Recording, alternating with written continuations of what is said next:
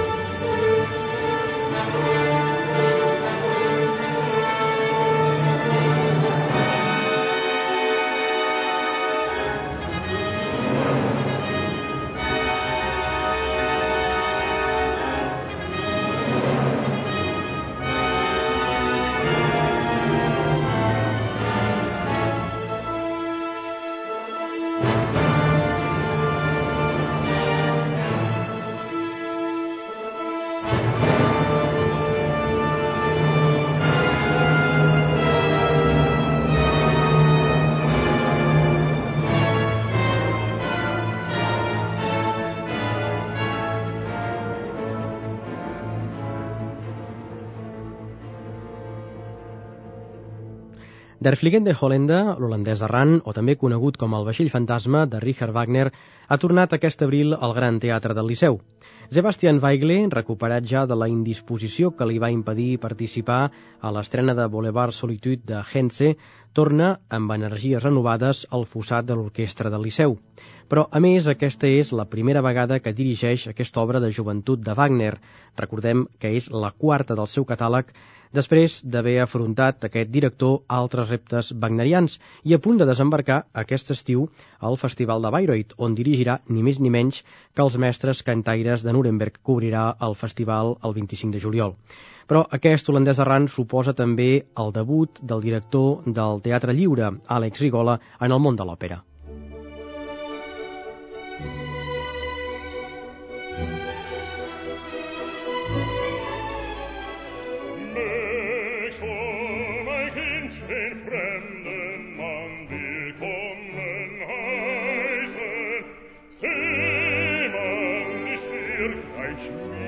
das was recht er an. An ohne Heimat steht auf en aquesta coproducció del Teatre del Liceu i del Teatre Real de Madrid, Rigola ha situat l'escena als anys 70, en una localitat imaginària de la costa de Noruega. L'acció passa al primer acte a bord del vaixell de Dalen i en el segon i tercer a l'interior i a l'exterior d'una fàbrica de conserves propietat del mateix Dalen. Rigola ha buscat la màxima sobrietat en l'escena per donar tot el protagonisme a la música i per això presenta un decorat auster amb certes reminiscències cinematogràfiques i ho fa des de l'entusiasme de qui sap que compta, com ens ve en aquest tall de veu, amb molt bon material, cantants de primera. Yo creo que te, que te den muy buen material para cocinar eh, es lo mejor que te puede pasar. O sea, si tú tienes que, que hacer una ensalada y te dan las mejores verduras, uh, te facilitan mucho el trabajo. Si todo el mundo sabe que tienes las mejores verduras, te van a exigir uh, que esté muy bien la ensalada. Pero partir de aquí es, yo creo que es importantísimo. Yo creo que, uh, aparte de agradecer a Joan por la oportunidad de entrar en el mundo de la ópera. Es fantástico tener a unos cantantes que cada día te alegran la mañana en los ensayos cantándote fragmentos de la ópera. Es, un lujo y un placer. A veces estaba y tenía que parar porque pensaba, pero qué, qué, qué suerte que estás viviendo. Son las 12 de la mañana y estos señores están cantando para ti fragmentos preciosos, ¿no? Com us dèiem fa una setmana, l'holandès Arran explica la llegenda nòrdica que Heinrich Heine va traslladar a la literatura en el llibre titulat Les memòries del senyor von Schnabelewowski, escrit el 1834, nou anys abans de l'estrena de l'òpera. Un relat que Wagner va utilitzar com a base per la seva partitura. Alan Titus interpreta aquest holandès condemnat pel diable a vagar eternament pel mar fins que no trobi una dona que li sigui fidel fins a la mort ens explica aquesta versió contemporània del personatge de l'holandès, entesa més des de la psicologia que no pas des de la mitologia.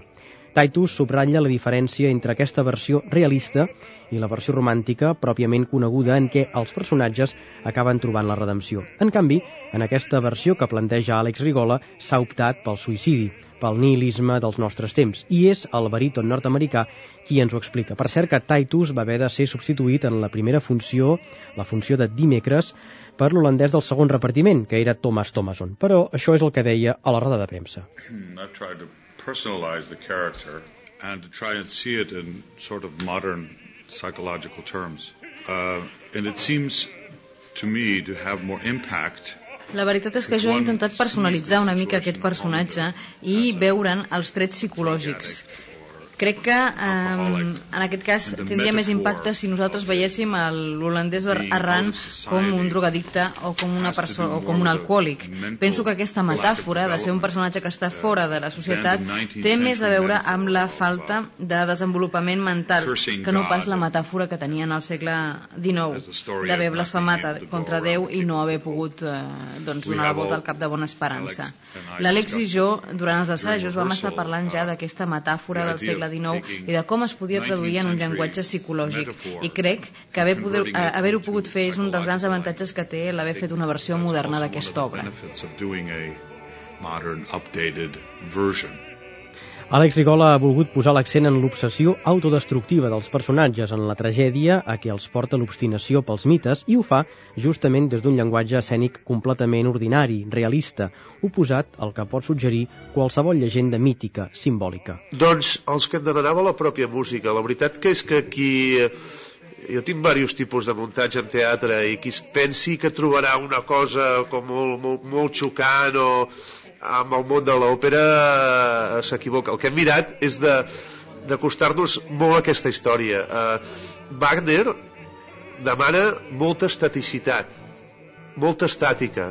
Els, els, els, els personatges tenen, expressen coses tan importants que és impossible moure'ls excessivament. I el que necessitàvem era explicar molt, deixar-los molt a ells i a, i a la seva forma d'expressió a través de la música amb ells parats i dient el que hem fet és una opció estètica, a part del treball actoral, on hem acostat aquest realisme, on tota l'escenografia és bàsicament eh, expressant un món real, eh, pels muntatges que he vist jo wagnerians, o normalment es fiquen en un temps passat o es col·loquen en un temps indeterminat, que no saps ben bé on, on succeeix. Aquesta, la, la nostra proposta és mirar d'acostar-ho a l'avui en dia.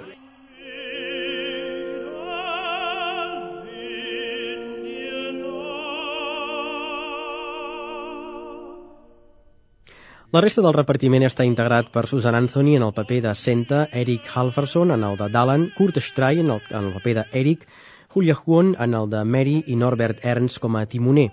S'ha optat per fer-ne la versió tradicional, sense entreactes.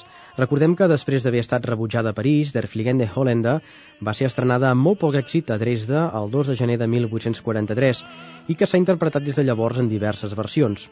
L'última vegada que es va fer al Liceu va ser l'octubre de 1993 amb posada en escena de Willy Decker. Sebastian Weigle ens explica ara com ha enfocat aquesta òpera d'un Wagner encara jove, però molt influït pels models de l'òpera italiana. Com tothom sap molt bé, aquesta és una de les primeres òperes de Wagner, de les primeres èpoques d'aquest autor, i està influïda encara i molt per als estils italians. En aquesta obra hi ha diversos números i, i després Wagner feia unes òperes que eren com molt més directes o molt més eh, llises, diríem. En aquest cas hi ha números com les cadences, les cabaletes cap al final o la, els números de corda i he de remarcar que és un estil magnífic i que per les persones que no coneguin molt bé l'obra de Wagner és una excel·lent introducció en aquest autor. Just for people they don't know opera very well, to start with a Flying Dutchman. Sebastian Weigle hi ha trobat un gran paral·lelisme amb l'òpera El vampir de Heinrich Marschner, escrita amb anterioritat a l'holandès errant i per això va declarar que li agradaria poder comparar en un futur les dues òperes. And it's not only influenced by the Italian style, it's also very much influenced by his colleague uh, Marschner. Marschner wrote the uh, opera The Vampire, doncs eh, no només va tenir la influència italiana, sinó que a més a més també va tenir la gran influència del seu company Marschner, eh, autor de l'òpera El vampir, escrita 15 anys, 12 o 15 anys abans. Quan es comparen les partitures es veuen moltes similituds, per exemple la balada, tot i que la balada de Marschner eh, consta de 12 versos, mentre que la de Wagner en té només 3, però està feta amb la mateixa tonalitat, la mateixa clau. La veritat és que si tinc temps un dia m'encantaria fer una comparació entre aquestes dues peces que, estan, que, que disten en 12 anys eh, i l'holandès arran doncs és de 12 anys més tard perquè em sembla que realment és molt interessant. m'agradaria molt conèixer-ho més a fons això. Marshner was 12 years earlier and the Hollander is much more uh, known much well known this time en aquesta versió de l'holandès arran del Liceu hi trobem al·lusions a la societat actual, amb la presència d'una màquina de Coca-Cola enmig de l'escenari en el segon acte i del fenomen de l'anomenat botellón en l'escena de la festa, en el tercer i últim acte. Fins i tot hi apareix un gos que acaba de donar l'efecte de realisme que busca Rigola i que casualment ens recorda aquell gos gros de què ens parla Wagner en les seves memòries i que va viure al costat del compositor i de la seva primera esposa, Mina, en aquella tempestuosa travessia en vaixell cap a Londres que va inspirar precisament a Wagner el tema de la cançó dels mariners de l'holandès Arran. Una cançó i una música que per Àlex Rigola configuren una de les òperes wagnerianes més assequibles, ideal per endinsar-se en l'univers sempre complex del compositor alemany. Creo que es un material ideal para empezar, como creo que es un material ideal también para entrar en el mundo wagneriano para quien no haya nunca escuchado a Wagner. Creo que Wagner es, es de esos autores que como más lo, escuchas, más te gustan. No recomendaría a nadie que nunca ha ido a la ópera que empezara por Wagner. Pero si alguien ya tiene una pequeña introducción en, el mundo operístico, si ha podido ir dos o tres veces a, a ver a autores italianos, creo que es eh, uno de los mejores Wagners para, para introducirte en el mundo wagneriano. Àlex Rigola ha utilitzat les projeccions audiovisuals per convertir el mar en un personatge més de la trama, com un mirall de l'absurditat de les passions humanes que es veuen més clarament reflectides en l'espectacular efecte que apareix al tercer acte amb les ones trencant violentament sobre l'escollera. I ens confessava estar molt content amb el resultat d'haver treballat amb cantants, actors, que busquen el realisme per damunt de la grandiloquència. És la, la qualitat actoral d'aquests cantants desconeixia totalment les, les seves capacitats el que vol dir que té molt a veure amb les propostes de, de direcció escena el, el, el que no sempre tinguin la possibilitat de d'interpretar. Vull dir, no, vull dir, el que hem parlat des de sempre és que hi hagués una, unes interpretacions realistes que anéssim a mirar de buscar veritat i no coses grandiloquents o exagerades una mica com, com, uh, com aquelles interpretacions que havia vist, no sé si heu vist, suposo que sí, el, aquella Carmen del Peter Brook, on, on hi havia un treball uh, actoral amb els cantants. Doncs uh, jo, jo m'he quedat molt parat de, la facili, de lo fàcil que ha estat treballar amb ells. Vull dir, pel, pel seu nivell, per la seva qualitat.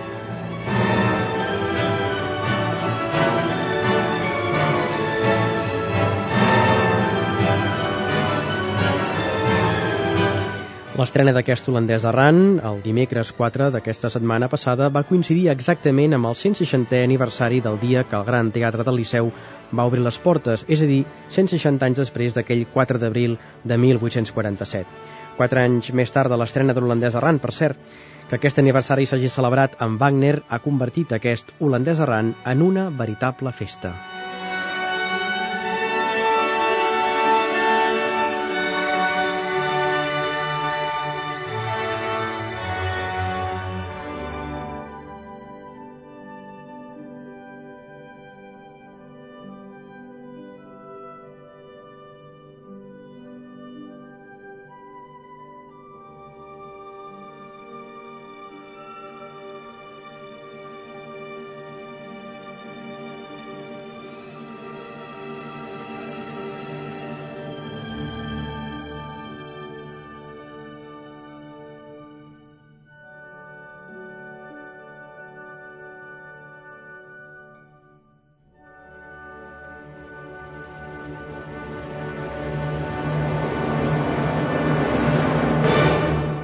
Un holandès arran de Wagner, per cert, que Catalunya Música us oferirà en directe el proper divendres, el dia 13, a partir d'un quart de nou del vespre.